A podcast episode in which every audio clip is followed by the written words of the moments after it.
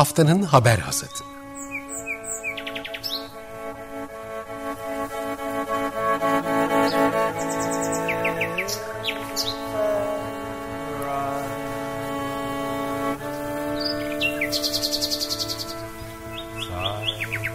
Haftanın öne çıkan iklim haberleri ve araştırmalarından okumalar ve yorumlar.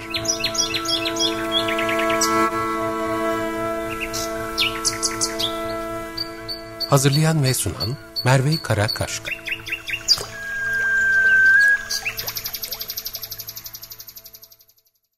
Günaydın, haftanın haber hasatına hoş geldiniz. Geçtiğimiz haftanın haber ve araştırmalarından özel bir derleme sunan programımızda bu hafta manşetimiz yiyenler ve yenilenler. Yiyenler ve yenilenler İngiliz yazar John Berger'in 1976 e, yılına ait bir denemesinin başlığı. Denemesinde e, bir rençber ve aynı zamanda bir burjuvanın e, yeme biçimlerini kıyaslayan detaylı bir analiz sunan e, Berger'den bazı alıntılarla aslında başlıyor bu haftaki e, hasat. E, tüketmenin ekonomik bir gereksinimin yanı sıra kültürel bir gereksinmeyi de doyurduğunu söylüyor Berger. Bu gereksinmelerin doğası tüketimin şu en dolaysız ve en basit biçimine baktığımızda daha açık ortaya çıkar. Yemek. E, deneme devam ediyor ve burjuvanın e, aşırı yediğini özellikle de eti aşırı tükettiğinin altını çiziyor.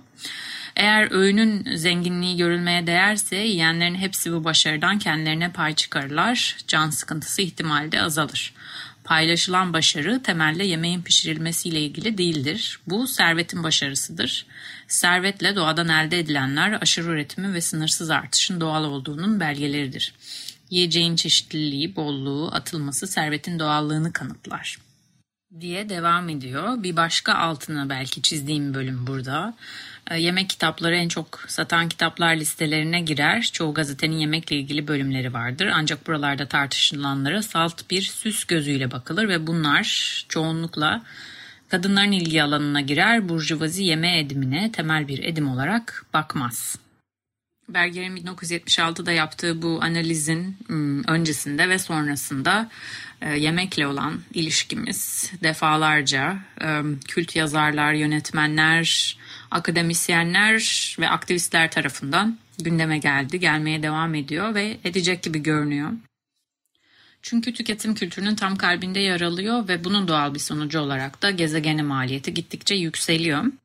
Hatta öyle ki yapılan son araştırmalar gıda sistemlerinin sebep olduğu sera gazı salımlarının fosil yakıtlar kadar tehlikeli boyutlara ulaştığını e, bulmuştu. Gıda sistemleri içinde karbon ayak izi, daha kapsayıcı bir terimle ekolojik ayak izi en yüksek olansa endüstriyel hayvancılık. Geçtiğimiz hafta endüstriyel hayvancılığın gezegene maliyeti ile ilgili oldukça çarpıcı araştırmalar yayımlandı. Bu yüzden bunları mercek altına alıyoruz haftanın haber hasatının ilk bölümünde. Öncelikle Meat Atlas, Henrik Böll Stiftung Derneği'nin yayımladığı bir e, oldukça kapsamlı bir rapor.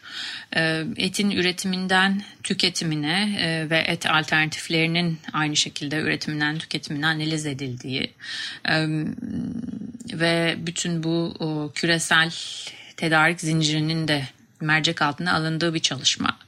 Ee, çalışmanın girişinde hemen e, aslında yer alan bir bilgi. Son 20 yılda küresel et tüketimi iki katına çıktı ve 2018'de yıllık 320 milyon tona ulaştı.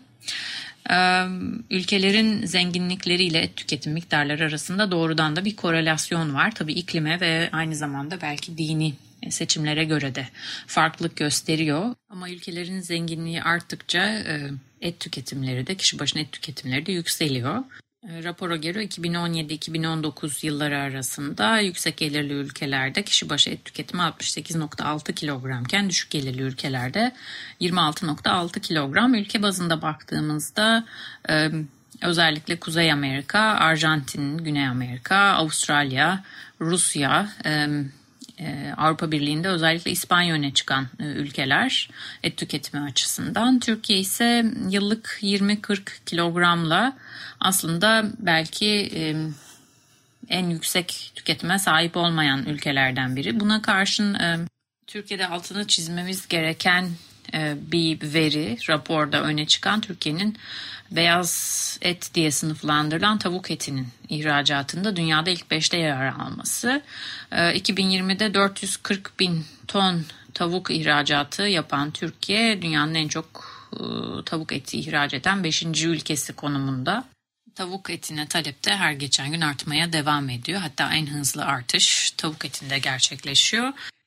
Belirttiğim gibi endüstriyalet aslında yarattığı ekolojik yıkım açısından fosil yakıtlarla kıyaslanabilir durumda. Buna karşın derinlemesine fosil yakıtlar kadar incelenmemişti. Bu açığı kapatması açısından Meet Atlas önemli bir boşluğu dolduruyor. Ee, özellikle hmm, endüstriyel etin e, fonlanması konusunda oldukça detaylı bir sıralaması var. Endüstriyel ete en çok yatırım yapan e, finansal kuruluşlar ve bunlardaki aynı zamanda hissedar yapılı yapılanmasına da inceliyor.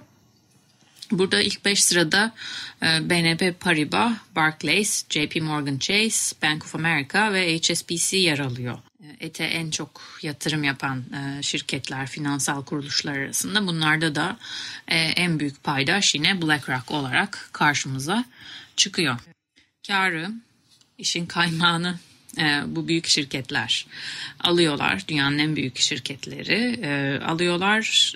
Fakat sahadaki e, çiftliklerdeki en büyük yükü de kadınlar üstleniyorlar. Buna karşın karar alma mekanizmalarında kadınların söz hakkı yer almıyor. Açlık ve e, benzer felaketlerde de en ağır e, gıda güvensizliğini yaşayan e, toplumsal cinsiyet kadınlara e, ilişkilendiriliyor raporda. Et tüketim kültürünün cinsiyetçi olması kadar aslında üretiminde de çok ciddi bir e, cinsiyet dengesizliğinin olduğunu da ortaya koymuş oluyor rapor. Meat Atlas'ta e, Et Atlası raporunda e, endüstriyel etin sebep olduğu çevresel ve iklimsel etkileri de görebiliyoruz. Öncelikle bu kadar aşırı tüketilen hayvanların beslenmesi önemli bir sorun olarak karşımıza çıkıyor. Dünya çapında bütün mahsullerin üçte biri bu canlı hayvan ticaretini beslemek için kullanılıyor. Bunun için de yıllık 1 milyar tonluk soya ve mısır üretimi var. Küresel et tüketimi arttıkça bu miktarlar da artmaya devam ediyor. Soya ekimi dünyada bugün ormansızlaşmanın en büyük ikinci sebebi. Birinci sırada da canlı hayvan yetiştiriciyi, hayvancılık var. Özellikle Brezilya ve Arjantin'deki ormanlar tehdit altında ve meralar tehdit altında. Bunlar soya yetiştiriciliği için alanlara dönüştürülüyor. Tek tip üretim biyoçeşitliliği tehdit ediyor ve ciddi bir sera gazı salımına sebep oluyor. Sera gazı salımları açısından e, raporun belki en çok konuşulan yönü e, buydu. Dünyadaki en büyük 20 et ve süt üreticisinin e, aslında sera gazı salınımlarının büyük e, fosil yakıt şirketleri ve hatta ülkelerle kıyaslanabilir durumda olmasıydı. En büyük 20 et ve süt üreticisi şirketin sera gazı, gazı salımları Almanya'yı geçiyor 2015 ve 2016 verilerine göre ve ilk 5 et ve süt üreticisi şirketse Exxon, Shell, e, Fransa, Britanya ve BP gibi e, salımlar konusunda önde gelen şirket ve ülkeleri geçiyor. Peki bu salımlar nerede, ne zaman gerçekleşiyor bütün bu üretim sürecinde? En azından raporda neler dahil ediliyor? Buna baktığımızda et ve süt için kullanılan hayvanların yetiştirilmesi sırasında salınan metan, hayvan dışkıları, besin mahsulleri için e, yapılan genişleme ve tabii gübre kullanımı bu alanda hayvansal tarım alanındaki sera gazı salımlarının büyük çoğunluğunu oluşturuyor. Kar maksimizasyonu odaklı endüstriyel hayvancılıkta pestisit kullanımı da gittikçe e, artıyor. Rapora göre dünya çapında 1990'dan beri pestisit kullanımı iki katına ulaştı ve her yıl e, 4 milyon tonluk aktif e, içerikler istenmeyen bitki ve hayvanlarla mücadele için, onları öldürmek için kullanılıyor. Burada ülkeden ülkeye e, düzenlemeler oldukça fark ediyor. Bazı bölgelerde örneğin Avrupa Birliği'nde sınırlansa bile dünyanın başka yerlerinde büyük pestisit şirketleri kendilerine müşteriler bulabiliyorlar. Şu anda dünyayı 5 tane e, pestisit şirketi kontrol ediyor aslında. Bütün pazarın e, %70'ine hakimler ve e, 2019'da pazarın büyüklüğünü 60 milyar dolar olarak ölçmüş rapor. Bu şirketlerin sattıkları pestisitler ülkelere göre de farklılık gösteriyor. 2018 yılında STK'lar tarafından yap, yapılan bir araştırma bu şirketlerin e, sattıkları pestisitlerin %35'inin e, insan ve çevre için yüksek derecede zarar verici içerikler barındırdığını tespit etmişti. Hayvancılık çok farklı yönlerden, tarımsal hayvancılık çok farklı yönlerden çok büyük e, yatırımların yapıldığı, büyük karların edildiği e, bir sektör artık. Bunu inkar edemeyiz. E, ancak e, sektörün e, bu pervasızca büyümesinin politik ekonomisine baktığımızda raporda e, aslında kamuoyunda ciddi bir destek olduğu görülüyor. 2019 yılına ait bir anketi paylaşan raporda Çin'de örneğin e, kırmızı et porsiyonlarınızı küçültüyor musunuz sorusuna yanıt verenlerin olumlu yanıt verenlerin oranı %78. Amerika Birleşik Devletleri'nde %54, Avrupa Birliği'nde %65. Ee, henüz küçültmedim ama küçültmeyi planlıyorum diyenlerin oranlarıyla birleştiğinde daha yukarılara çıkıyor. Yani aslında kamuoyunda ciddi bir destek var. Ee, rapora göre bu desteği kullanarak aslında politikacılar hayvanların e, daha yüksek standartlarda refahının artırılmasını sağlayabilir. E, et üzerindeki vergiyi artırabilir. E, bitki bazlı et ikamelerinin fiyatlarını düşürebilir ve daha düşük gelirli hane halklarının daha çevre dostu ürünlere erişmesini sağlayabilir. Raporda ilginç noktalardan biri son dönemde e, bir vegan alternatif olarak gittikçe yaygınlaşmaya başlayan laboratuvarda üretilen et olmayan etsiz etin e, çevresel ayak iziyle, ekolojik ayak iziyle ilgili. Burada e, gelişmeler yaşanıyor. Biliyorsunuz ciddi yatırımlar alıyor bu et startupları, etsiz et startupları özellikle Silikon Vadisi'nde ve e, gittikçe daha erişilebilir hale geliyor bu sayede süpermarketlerde e, daha çok tüketiliyor, daha çok tercih ediliyor. Peki bunlar gerçekten ekolojik mi? Raporda 2011 ve 2014 yılları arasındaki üretimlerde enerji kullanımı, sera gazı salımları, e, toprak kullanımı ve su kullanımı e, kıyaslanıyor e, et tipleriyle farklı et tipleriyle ve laboratuvar eti arasında. Burada e, laboratuvar etinde enerji kullanımının yoğun bir şekilde arttığını görüyoruz. Sera gazı salımları aynı kalıyor. Toprak kullanımında da ve su kullanımında da artışlar var ama su kullanımında belki en ciddi artışı görüyoruz. Burada elbette hayvan eziyetinin olmadığını bilmek her ne kadar belki çok önemli ama diğer yandan doğaya müdahalenin sürdüğünü gen ve biyoteknolojinin yoğun kullanımının da yine yapay et üretiminde ciddi bir soru işareti olduğunu da belki eklemek gerekiyor. Tabii endüstriyel etrafındaki tartışmalar, ekolojik ayak iziyle ilgili bilgiler burada bitmiyor. Ee, yeni araştırmalara geçeceğiz ancak önce haftanın haber bir müzik molası, ilk müzik mola, molamızı verelim istiyorum. Ee, Başta söylediğim gibi aslında söylenenler yeni değil. E, sonuçlar yeni. E, ne boyutlara ulaştığını görmek yeni. Ama e, etle ilgili tartışmalar yıllardır, on yıllardır yapılıyor. E, bu konuda belki en e, bilindik belki slogan haline gelen Meat is Murder e, The Smiths efsanevi The Smiths grubu tarafından e, Morrissey'in sesiyle dinleyeceğimiz şarkı. 1985 yılında yayınlanan albümle aynı adı e, taşıyan parça. E, Morris'in e, vejeteryanlığı önemli bir savunucusu haline geldiğini e, biliyoruz. Bunu politik olarak duruşunu da sık sık dile getirmişti. Şimdi bu şarkı dinleyeceğiz. Ardından haftanın haber asatına devam edeceğiz. Açık Radyo'da Morris'in Meat is Murder şarkısını dinledik. Hayvancılık, endüstriyel hayvancılık pratiklerini mercek altına aldığımız bölümüne bölümümüzde yeni bir araştırmayla devam ediyoruz. Ee, bu hayvancılık ve e, hava kirliliği arasındaki bağ ortaya ortaya koyan bir araştırma. Dünya çapında en büyük çevresel sağlık risklerinden biri olan düşük hava kalitesinin gıda sistemleriyle bağlantısını inceleyen yeni bir araştırma. Amerika Birleşik Devletleri'nde gıda ile ilgili ince parçacıklı madde kirliliğinden kaynaklanan 15.900 insan ölümünün %80'inin hayvansal gıdalara atfedilebilir olduğunu buldu. Ee, bu %80'lik bölüm hem doğrudan hayvan kökenli gıda üretimini hem de dolaylı olarak hayvanlar için e, gıda üretimini kapsıyor.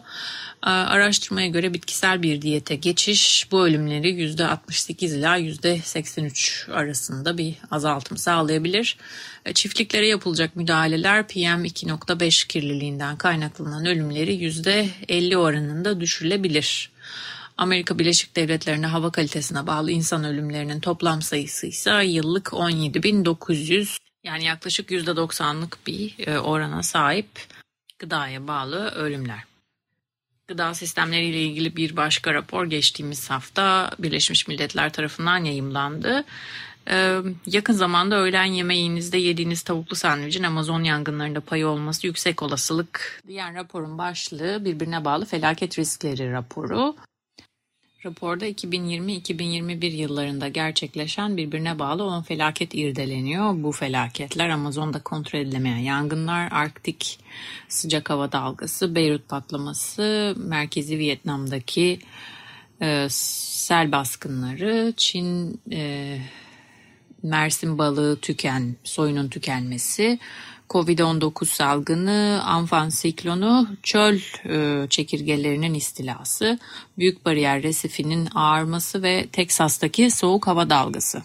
Örneğin Amazon yağmur ormanlarındaki yangınlara baktığımızda 2020 yılında Fiji'den daha büyük bir alanın yandığını görüyoruz. Toplam 20 bin kilometrelik birincil ormanlık alan kayboldu.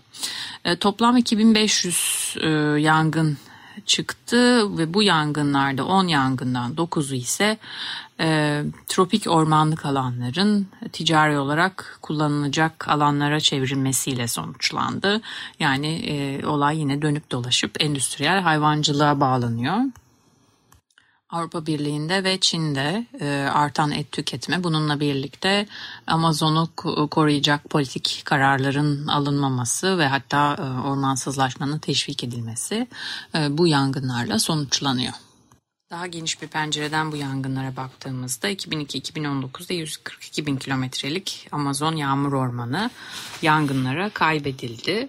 E, raporda bunun e, kök sebepleri olarak bir kere küresel e, talep, ki bireysel çıkarların, bireysel kar hedeflerinin önceliklendirilmesi, uluslararası işbirliğinin yetersizliği, çevresel maliyet ve faydaların azımsanması, karar alınırken yeterli önem verilmemesi, yetersiz tabii ki risk ve felaket yönetimi ve insan kaynaklı e, sera gazı salımları var. Birbirinden farklı görünseler de aslında kök sebepleri oldukça benzer bir diğer vaka. Raporda işaret edilen bir diğer vaka e, çekirge sürülerinin, çöl, çöl çekirgelerinin istilası. İklim değişikliği ve bir dizi siklonların çöl çekirgelerinin Arap Yarımadası'nda çoğalması için elverişli koşulları hazırlamasıyla başlıyor. Ardından Yemen ve Somali'ye ulaşıyor çekirgeler. Daha sonra kısa sürede Afrika'dan Güneydoğu Asya'ya yayılıyorlar. Bu yayılım toplam 23 ülkeyi etkiliyor bugüne kadar. Çöl çekirgeleri bitki örtüsünü oldukça hızlı tüketebiliyor. Bir kilometrelik bir alanı kaplayan sürünün 35 bin kişinin e, bir günde yediği besini tükettiği belirtiliyor. E, tek bir bugüne kadar gözlemlenen 2021'de gözlemlenen tek bir sürünün büyüklüğünün Lüksemburg kadar olduğu da not edilmiş. Bunun sonucu olarak 42 milyon kişi gıda güvensizliği riskiyle Karşı karşıya bu riskle mücadele etmek için de Gıda ve Tarım Örgütü'ne 312 milyon dolar da talep edilmiş. E, bu olayın, bu vakanın e, aslında e, kök sebepleri de yine uluslararası kooperasyonda yetersizlikler, çevresel maliyet ve faydaların karar yapıcılar tarafından dikkate alınmaması, yetersiz felaket ve risk yönetimi ve tabii ki insan kaynaklı sera gazı salımları olarak öne çıkıyor raporda. Haftanın haber asatında endüstriyel hayvancılığı e, mercek altına aldığımız bölümümüzü son bir araştırmayla bitiriyoruz. Araştırmamız yangınlara karşı doğa temelli bir çözüm sunuyor. E, buna göre özgürce dolaşan büyük otobur hayvanlar yangınlarla mücadelede itfaiyeden bile daha etkili olabilir. Özellikle terk edilen bölgelerde yerli olan ya da bölgeye sonradan tanıtılan yarı yabani hayvanların otlaması e, kontrol edemeyen yangınlara karşı doğal yangın bariyeri işlevi görebiliyor. Araştırma özellikle dünya çapında şehirleşme oranının artmasıyla birlikte e, tarımsal alanların terkinin yangın riskini artırdığı gerçeğinden yola çıkıyor. Bu alanlar yeniden ağaçlandığında ya da koruluklarla, çalılıklarla kaplandığında e, yangın yükü de artmış oluyor. Yani yanacak olan bitki örtüsünün miktarı da artmış oluyor. Bunu kontrol etmek için, e, bu yükü azaltmak için özellikle otlatma gerekiyor. Tabi burada e, yangına karşı korumanın belirli faktörlere bağlı olduğu ve bu faktörlerin bazılarının otçul tipi, popülasyon yoğunluğu ve e, beslenme kalıpları olduğu belirtiliyor. Böylelikle haftanın haber asatının ilk bölümünün sonuna geldik. Şimdi müzik dinleyeceğiz. Rita Indiana gelecek El Zahir isimli şarkısıyla. El Zahir, Rita Indiana'nın 2020'de yayınladığı Mandinga Times albümünden bir parça. Bu albümle ilgili e, Apokalips için bir e, şarkı kitabı tanımlaması yapmıştı. E, kapitalizme doğrudan eleştirilerin olduğu albümde El Zahir isimli parça daha doğrusu parçanın teması para. Indiana'nın kendi bir röportajında söylediği gibi dünyanın sonunu getiren en önemli e, konulardan biri para. Zahir, e, Louis Borges'in e, bir kısa hikayesinin ismi. Bu hikayede Borges'in Zahir'i tanımlama biçimi onu gören herkesi ele geçiren, dışarıdaki dünyayla bağlantısını kesen ve gittikçe obsesif hale getiren bir nesne olarak tanımlıyor ve bu hikayede e, birincil anlatımdaki bu hikayede kendisini e, ele geçiren bu nesne bir akçe, bir 20 centlik bir para aslında. E, buradan e, referans var paraya. Şimdi bu şarkıyı dinleyeceğiz. E, ardından Hasat'ın diğer haberlerine geçeceğiz. Açık Radyo'da Rita Indiana El Zahir isimli şarkısıyla bizimle birlikteydi. Şimdi haftanın haber hasatında Hasat'ın diğer haberlerine geçiyoruz. Hasat'ın diğer haberlerinde ilk olarak oldukça önemli bir araştırma var. Haftaya neredeyse damgasını vuran araştırmalardan biriydi. Ee, Nature dergisinde yayımlandı. Buna göre ekonomik açıdan kullanılabilir durumda küresel kömür rezervlerinin %90'ının e, çıkarılmadan bırakılması gerekiyor. Eğer bir buçuk derecelik e, küresel ısınmayı bir buçuk dereceyle sınırlayacaksak bu bizim şansımızı %50'ye yükseltiyor. E, bu senaryoları çalışan araştırmacılar 2100'e kadar karbondioksit salımımızın 580 gigatonu geçmemesi gerektiğini buldular. Petrol rezervlerinin %58'inin ve doğal gaz rezervlerinin yine %59'unun asla gün ışığını görmemesi gerekiyor bu araştırmaya göre. Araştırmacılar küresel fosil yakıt endüstrisi için e, senaryonun e, kasvetli göründüğünü e, farkında olduklarını söylüyorlar ama hatta daha e, buna karşın belki daha sıkı e, limitlerin de getirilmesi gerektiğini belirtiyorlar. Eğer e, küresel ısınmayı bir buçuk dereceyle sınırlı tutacaksak. Sınırlamalar ülkeden ülkeye fark gösteriyor. E, burada önemli faktörler işte karbon yoğunluğu veya farklı kaynakları sömürmenin maliyeti olarak gösteriliyor araştırmada. Ee, Kanada'nın petrol kumlarının %84'ünün keza Arktik'te henüz gelişmemiş olan e, petrol ve doğalgaz yataklarının yine e, dokunulmadan e, bırakılması gerekiyor. Avustralya'nın e, bütün kömür rezervlerinin %95'ini Rusya ve Amerika Birleşik Devletleri'nin de kömür rezervlerinin %97'sini yine toprağın altında bırakması gerekiyor. Araştırmacılar bir buçuk derecenin bir an önce başlamamız gereken ve herkülvari bir görev olduğunu söylüyorlar. 2050 için taahhütler yeterli değil.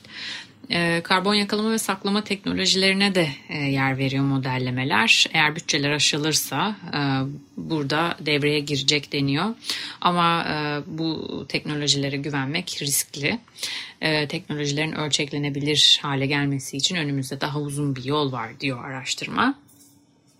Şimdi e, hazır karbon e, yakalama ve e, saklama teknolojilerinden bahsetmişken bir başka haber geldi bu hafta. İzlanda'da dünyanın en büyük kendisi karbon giderme tesisi adı Orca, Orca e, faaliyete başladı. Yılda 4000 ton karbondioksit atmosferden yakalama kapasitesine sahip olduğu belirtiliyor.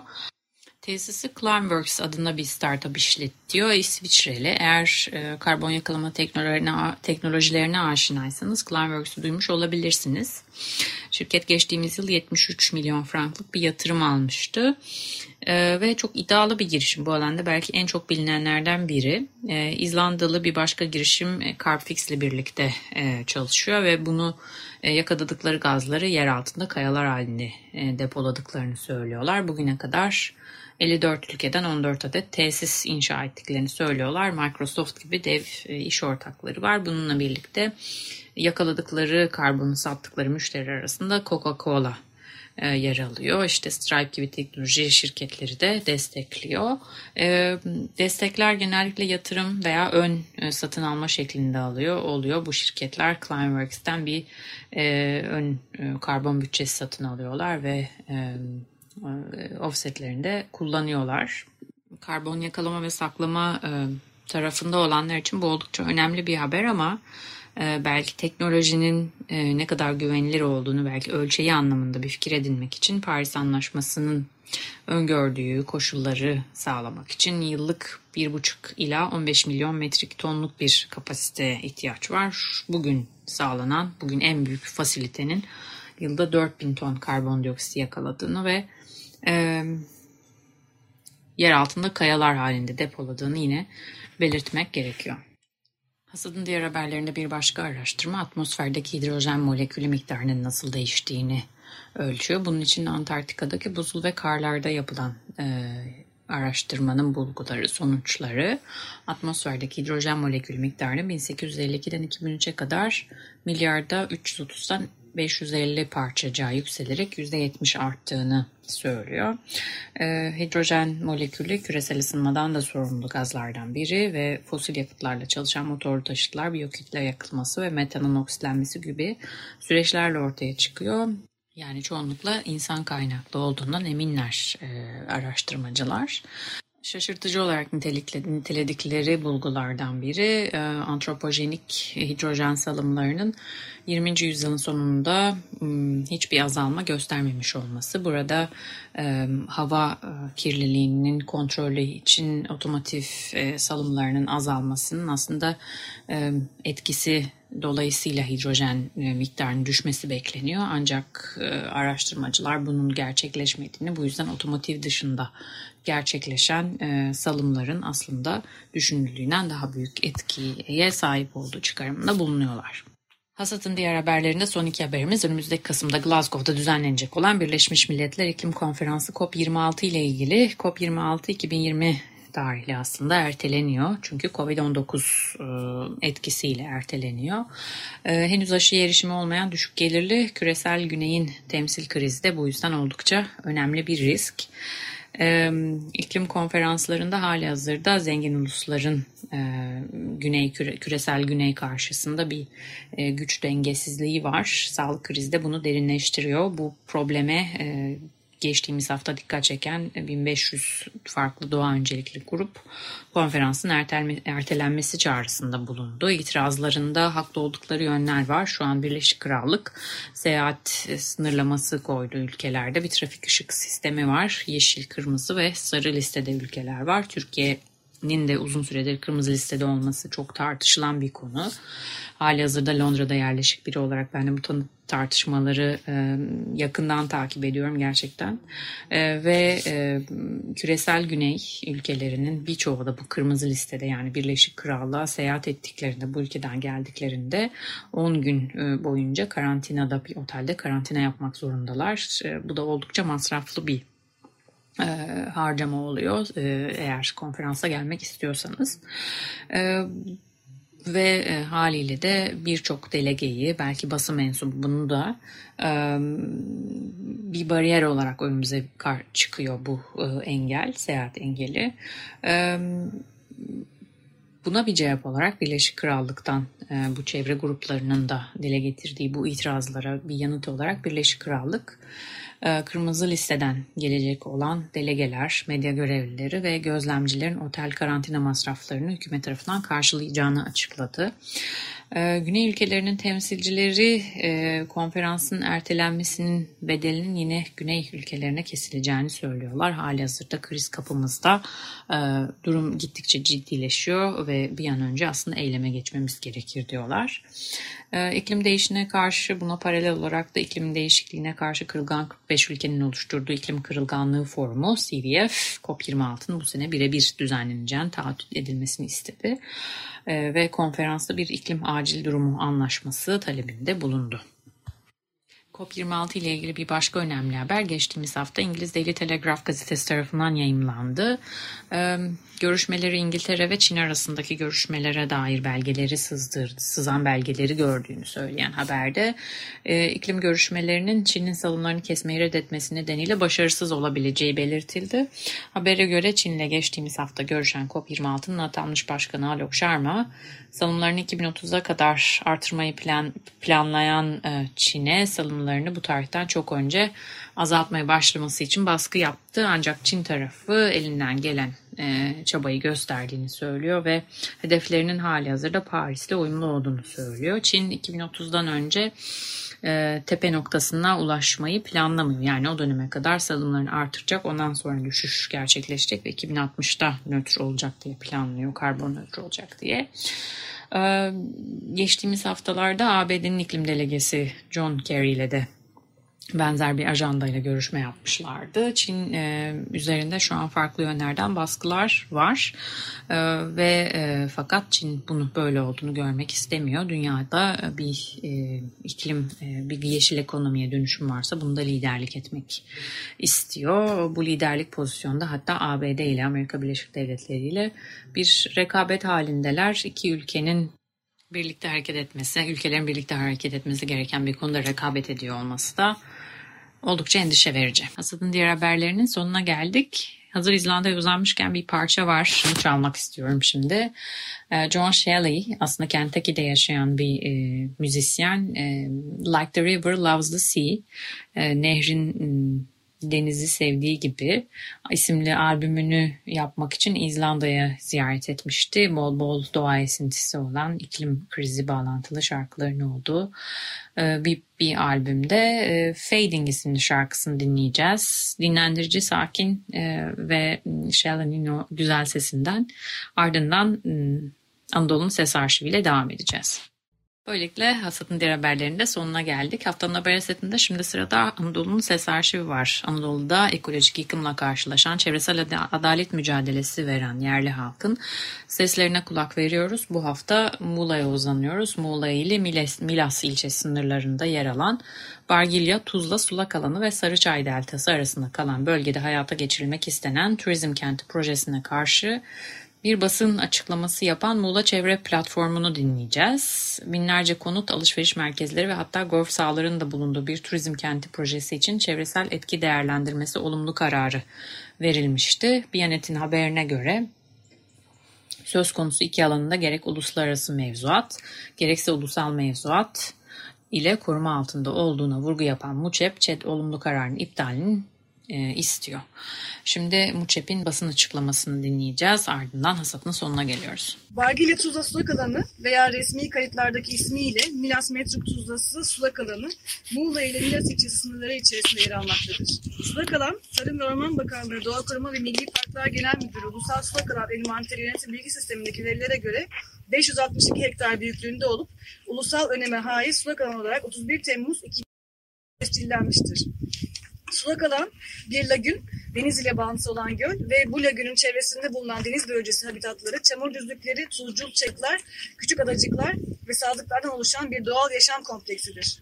Alanda bulunan kuş türlerinin başlıcaları flamingo, ak pelikan, cılıbıt türleri, poyraz kuşları, balıkçılar, martı ve sumu türleri ve kış aylarında sayıları binleri bulan çeşitli ördek türleridir. Ayrıca alan ülkemizde mahmuzlu kız kuşunun kışladığı nadir alanlardandır. Bu özellikleriyle alan önemli kuş alanı hem de önemli doğa alanı kriterlerine sahiptir. Alan gerek uluslararası mevzuat, Ramsar, Bern, Barcelona ve Biyoçeşitlilik Sözleşmeleri, gerekse ulusal mevzuat, çevre kanunu, sulak alanların korunması yönetmeliği ve korunan alanların tespit, tescil ve onayına ilişkin usul ve esaslara dair yönetmelik ile koruma altındadır. Alan 26 Haziran 2021 tarihinde ve 4167 sayılı Cumhurbaşkanlığı kararı ile kesin konulacak hassas alan ilan edilmiştir. Sulak alanlar ve özellikle lagünlerin varoluşu çevresindeki su toplama havzalarına bağımlıdır. Bu durum Bargile Tuzlası için de geçerlidir. Tuzla denizden Güllük Körfezi'nden beslenirken karadan da etrafında bulunan yamaçlardan akan yağmur sularının oluşturduğu alt havzalar ve yer altında bulunan akiferlerle beslenmektedir. Bir diğer taraftan Tuzla deniz suyunun iç kesimlere ulaşmasını engelleyen bir bariyer görevi görmektedir. Bu nedenle Tuzla'nın zarar görmesi durumunda deniz suyu kilometrelerce ilerleyerek gerek Milas gerekse Bodrum'un içme kullanma sularının yapısını bozarak tuzlandırır. Ekolojik olarak bakıldığında ise Tuzla sulak alanı ve şu anda Milas Bodrum Havalimanı'nın batısında bulunan ve Tuzla gibi gerek ulusal gerekse uluslararası mevzuat ve koruma altında olan Sarıçay Deltası ilişkilidir. Bu iki sulak alan arasında kalan projenin yapılmak istendiği bölge ekolojik bir köprü, koridor vazifesi görmektedir. Biraz önce bahsettiğimiz korunan alanları dahil yönetmeliğin 5. maddesinin G bendinde korunan alanların içinde ve bir korunan alan içinde ve birbirleriyle ilişkili korunan alanlar arasında ekolojik koridorlar tesis edilir denilmektedir. Alan hali hazırda mevzuatta canlı yaşamına ekolojik karakteri uygun doğal bir koridor barındırmaktayken bu ekolojik koridora yaklaşık 4 milyon 500 bin metre, metrekarelik alanda 63 ayrı parselde toplam 743 bin metrekare inşaat yapılmak istenmektedir. Üstelik bu, bu sadece Çevre Şehircilik Bakanlığı tarafından onaylanmış ÇED raporunda yazan biçimidir. Çeşitli emlak kulesi sitelerinde nüfus ve kapsam çok daha büyük belirtilmektedir. Hem insan yaşamı hem de bölgede yaşayan, kışlayan, üreyen ve barınan hayati öneme sahip bu nadide sulak alan bölgedeki ekosistemi geri dönülmez biçimde tarif edecek içerisinde binlerce konut, alışveriş merkezleri ve hatta golf sahalarında bulunduğu bir turizm kenti projesinin tehdidi altındadır. Bu projenin çevresel etki değerlendirme raporu, rapordaki tüm bilimsel ve hukuki eksiklik ve hatalara rağmen olumlu kararı alabilmiştir. Bu karar bakanlık sayfasında 2 Haziran 2021'de duyurulmuştur. Projenin ÇED raporunu incelediğimizde itirazlarımız genel olarak şu başlıklar altında toplanmaktadır. Muğla ili Dörttepe Köyü mevkiinde Akdeniz İnşaat Eğitim Hizmetleri AŞ tarafından planlanan turizm kenti projesi nihai ÇED raporuna dayanak olarak sunulan belge ve imar planları güncel değildir. Dava konusu ÇED raporunda planlanan alan hukuken turizm merkezi niteliğinde değildir. Bu nedenle turizm kenti kurulması hukuka aykırıdır. 2015 yılında Milas Belediyesi'nin açtığı dava ile Tam da böyle bir sulak alanı koruma gerekçesiyle bu kazanım sağlanmıştır.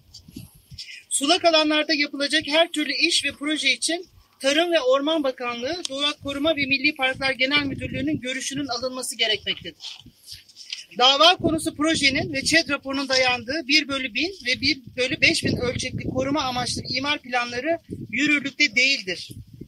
26 Haziran 2021 tarih ve 31.523 sayılı resmi gazetede yayınlanan 4167 sayılı Cumhurbaşkanlığı kararı ile Muğla ili Milas ilçesi Tuzla Doğa Sit alanı ve çevresi yeniden değerlendirilmek suretiyle kesin korunacak hassas alan olarak belirlenmiş ve sınırları revize edilmiştir. Yanı sıra Çevre ve Şehircilik Bakanlığı'nın kendi sitesinde de belirtildiği üzere sit değişikliği durumlarında her ölçekte plan uygulaması durmaktadır. Dava konusu ÇED raporunda gerçeğe aykırı bir şekilde Milas, Tuzla, Sulak alan ve tampon bölgede orman alanı veya ağaç niteliğinde koruma alanı bulunmadığı belirtilmiştir. Bu güncel ve bilimsel bir saha çalışmasına dayanmamaktadır. Bargelya Tuzla Sulak alanı ulusal öneme haiz sulak alandır. 31.7.2019 tarihinde tescil edilmiştir. Koruma yönetim planı hazırlanmaktadır. Bölgenin iklimsel durumu ÇED raporunda gerçeği yansıtmayacak şekilde tanıtılmıştır. İklim değişikliğine bağlı gerçekleşmesi öngörülen nesnel, bilimsel ve güncel deniz suyu seviyesi yükselmesi, kuraklık gibi durumlar göz ardı edilmiştir. ÇED proje için su temininin ters ozmoz yoluyla elde edileceği bildirilmiştir. Ancak açılacak kuyuların yerleri raporda bildirilmemiştir. Kıyıda açılacaklarının yazılmasıyla yetinilmiştir alınacak ve geri bırakılacak su miktarı, niteliği ve yeri gerek tuzla gerekse peyzaj seviyesinde tüm kıyısal ve denizel ekosistem üzerinde etkilere sebep olacak akifer sistemine zarar verecektir. Bu sulak alanların korunması yönetmeliği madde 8'e açıkça aykırıdır. Projenin yapılması ve sonrasında oluşacak katı atıkların bertarafı konusunda ÇED raporunda detaylı bilgi verilmemiştir. ÇED raporu 1 bölü 100 bin ölçekli çevre düzeni planına aykırıdır. Proje sahası ve yakın çevresi Ben Sözleşmesi ek liste 2 yani kesin korunacak hayvan türleri listesinde bulunan hayvanların doğal yaşam ortamı olup koruma altındadır. Dava konusu ÇED raporunda birinci ve üçüncü derece arkeolojik sit alanları bulunduğu belirtilmiş ve yapılaşma sınırı ile proje sınırı üst üste oturtularak bir koruma ve araştırma alanı bırakılmamıştır. Dava konusu ÇED raporunda projelendirilen kasabanın yapılmasında turizm açısından kamu yararı bulunmamaktadır. 1990'lardan bu yana bölgeye daha çok yerli ve yabancı ziyaretçinin gelmesini sağlayan doğal ve kültürel değerler kısa vadeli rant hesapları nedeniyle geri dönüşsüz yok olacak. Bölge halkının ana geçim kaynaklarından biri olan turizm orta ve uzun vadede bu durumdan hayli zarar görecektir. Hoş bir mutenalaşma gibi görünen fakat benzer örneklerde olduğu gibi bölge insanın kendi alanında var olmasını zorlaştırmak suretiyle yabancılaşmaya sebebiyet verilecek bölge insanının yıllardır yaşadıkları yerleri terk etmek zorunda kalmalarına neden olabilecektir. Bir diğer taraftan şirket geçtiğimiz günlerde projenin Bargilya Tuzla sulak alanı ile ilişkisi olmadığına, projelerinin çevreci olduğuna dair basında duyurular yaparak kamuoyunu yanıltma girişiminde bulunmuştur. Ne var ki biraz önce bahsettiğimiz gibi sulak alan ekosistemi kıyı ekosisteminden ayrı düşünülemeyeceğinden bu açıklama da bilimsel olarak gerçeği yansıtmamaktadır. Projenin ve dava konusu ÇED raporunun ekolojik yani doğal, kültürel, toplumsal ve tarihsel olanca değeri ve bağı, dolayısıyla yerel ekonomik dengeleri de geri döndüremez biçimde yok edeceği, tam da projenin ve ÇED raporunun kendisiyle ortaya konmaktadır. Doğal, kültürel, toplumsal ve tarihsel değerleri ve bağları gerçekçi ve uzun vadeli korumak isteyen, ortak yaşam kültürüne sahip çıkan herkesin bu projeye karşı olacağını biliyoruz. Bu bağlamda MUÇEP olarak ulusal ve uluslararası hukuka aykırı, ortak yaşam alanlarını, canlıları metalaştıran, odağına sadece sermayeyi, kısa vadeli rantı koyduğu gün gibi ortada olan bu projeye verilen ÇED olumlu kararının iptali için 1 Temmuz'da davamızı açtık. Talebimiz ÇED olumlu kararının ve projenin ivedilikle iptal edilmesi, hatta bu alanın bir daha benzeri tehditlerle karşıya karşıya kalmamasıdır. Burada dile getirdiğimiz ve ayrıca mahkemeye ilettiğimiz pek çok nedenden ötürü alana zarar verecek herhangi bir girişimin engellenmesi adına da yürütmenin acilen durdurulması gerekmektedir. Bu nadir yaşam alanı onun yuva olduğu binlerce canlı, tarihsel değerler ve ortak adım ortak yaşam adına çok endişeliyiz. Ülkemiz sınırları içindeki sulak alanların yok oluşlarına ilişkin haberleri neredeyse her gün görürken Bargilya Tuzla sulak alanını birlikte yaşatmaya devam edelim. Tuzla'yı tüm değerleriyle birlikte savunalım. Muğla Çevre Platformu. Açık Radyo'da Muğla Çevre Platformu'nun Bargilya Tuzla Sulak alanı ve Sarıçay Deltası arasında kalan bölgede hayata geçirmek istenen turizm kenti projesine karşı yaptığı basın açıklamasını dinledik.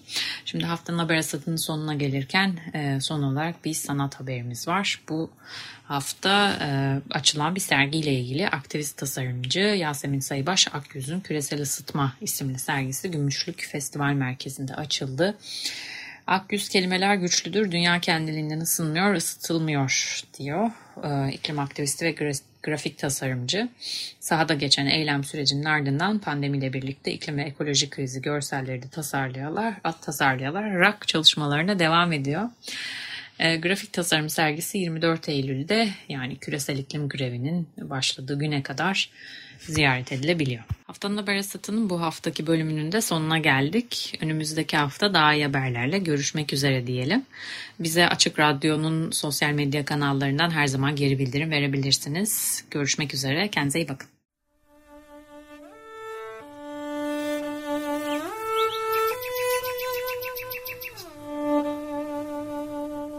Haftanın haber hazırlığı.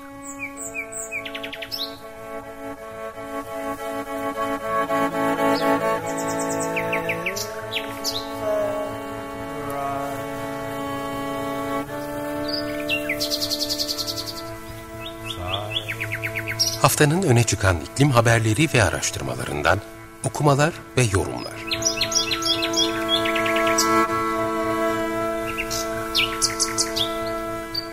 Hazırlayan ve sunan Merve Karakaşka